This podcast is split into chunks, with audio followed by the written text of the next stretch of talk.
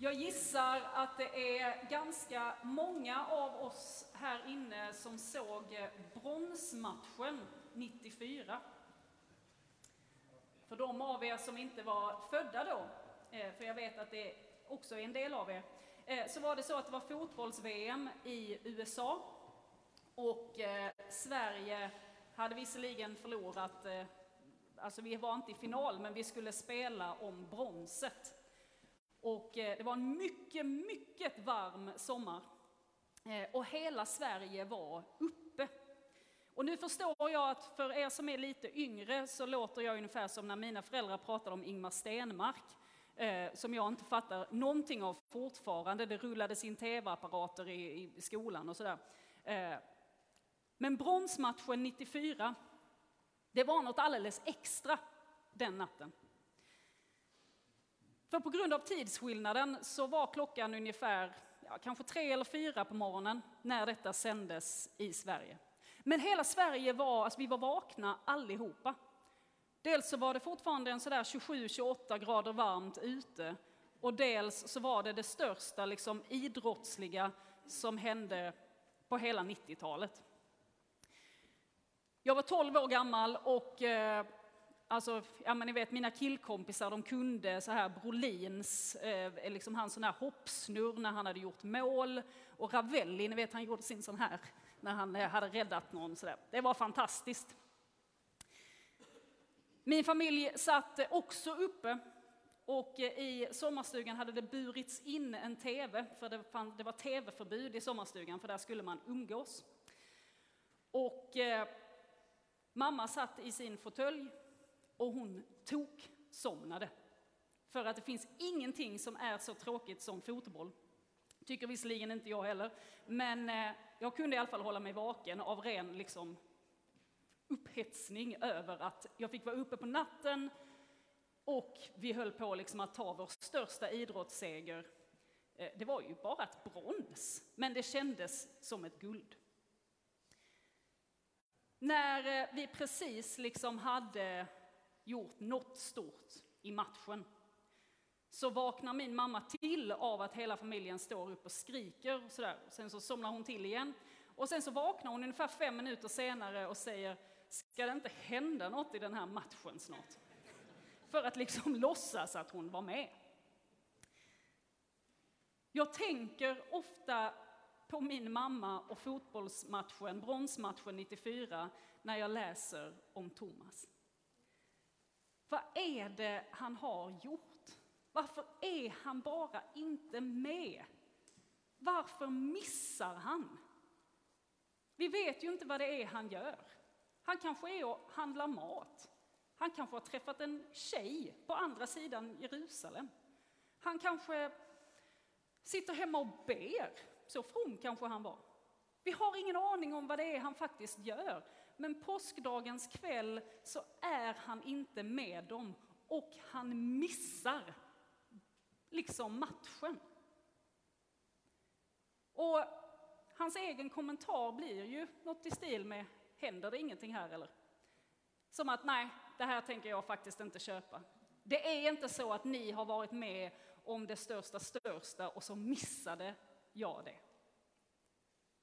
Utan tvivlet, den där gnagande känslan, den får ta överhanden.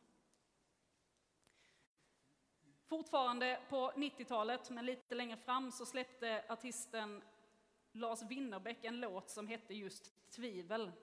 Där han beskriver tvivel som att vara flugor i smöret på någon annans kalas. Det är en fantastisk textrad. För att vi kan nästan tänka oss exakt hur det känns. Det är inte ens mitt kalas och jag blir bara som en fluga i smöret.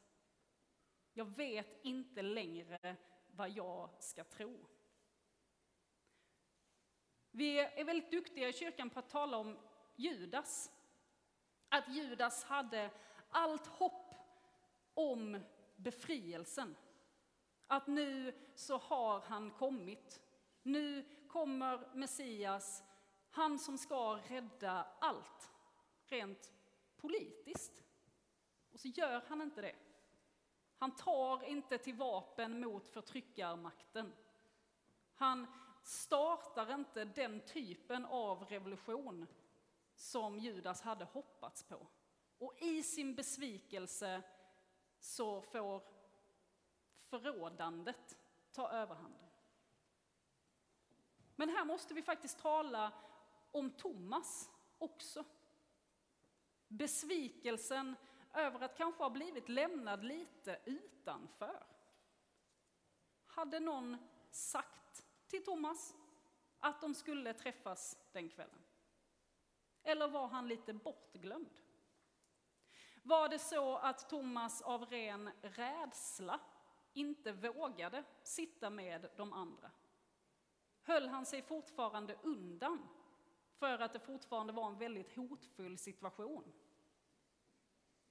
De första lärjungarna, de levde ju liksom under samma dödshot som Jesus. De visste inte hur jagade de var, om de var jagade, vad som skulle hända med dem om de hittades. De var liksom fortfarande gömda. Kanske Thomas inte vågade. Det handlar om rädsla, kanske mer än vad det handlar om tvivel. Det handlar om rädsla, kanske mer än vad det handlar om liksom den stora bekännelsen. Vad är det vi försöker avkräva Thomas? Om man ska sammanfatta alla tre texterna idag så handlar det om att Gud försöker dra tillbaka människor till sig. Och någonstans så är hela påsken i det. Jesus dör för att dra oss närmre sig själv. Jesus uppstår för att dra oss närmre honom. I både profeten och sen i första Petrusbrevet så är det samma tema. Överge inte varandra, överge inte Gud, överge inte Kristus.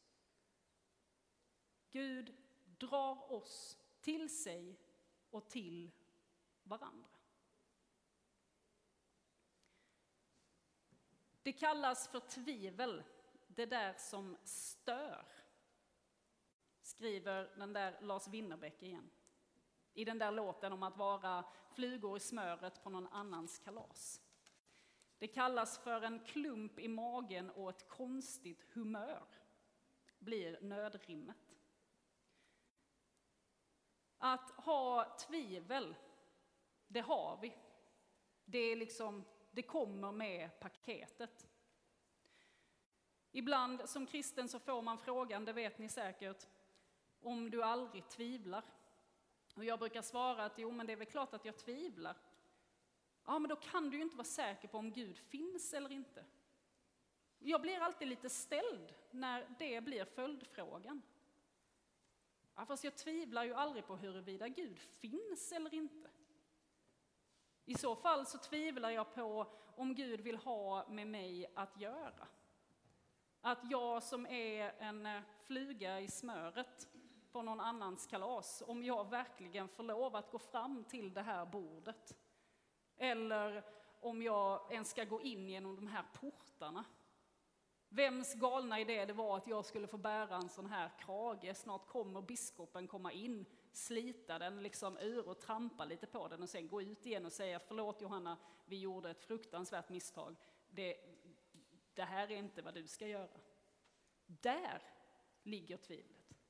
På att jag inte har någon slags värdighet att befinna mig i detta rummet framför Guds ansikte. Och jag tror det är det Thomas tvivlar på. Jag tror att det är den här, jag missade min stora chans. Får jag lov att komma tillbaka? Är det så att Kristus kommer att säga, ja, du får lov att vara här, Thomas. Eller du, eller du, eller du, eller jag. Du får lov att vara här. Tvivlet handlar aldrig om huruvida Gud finns eller inte, det är en icke-fråga. Tvivlet handlar om huruvida jag som människa är välkommen. Och Kristus svar, Guds svar till Thomas och till dig och till mig, det är sluta tramsa, sluta upp med de där tramserierna om att du inte skulle kunna vara här. Här är mina sår, det är för dig jag bär de här såren. Du ska vara här. Tro nu.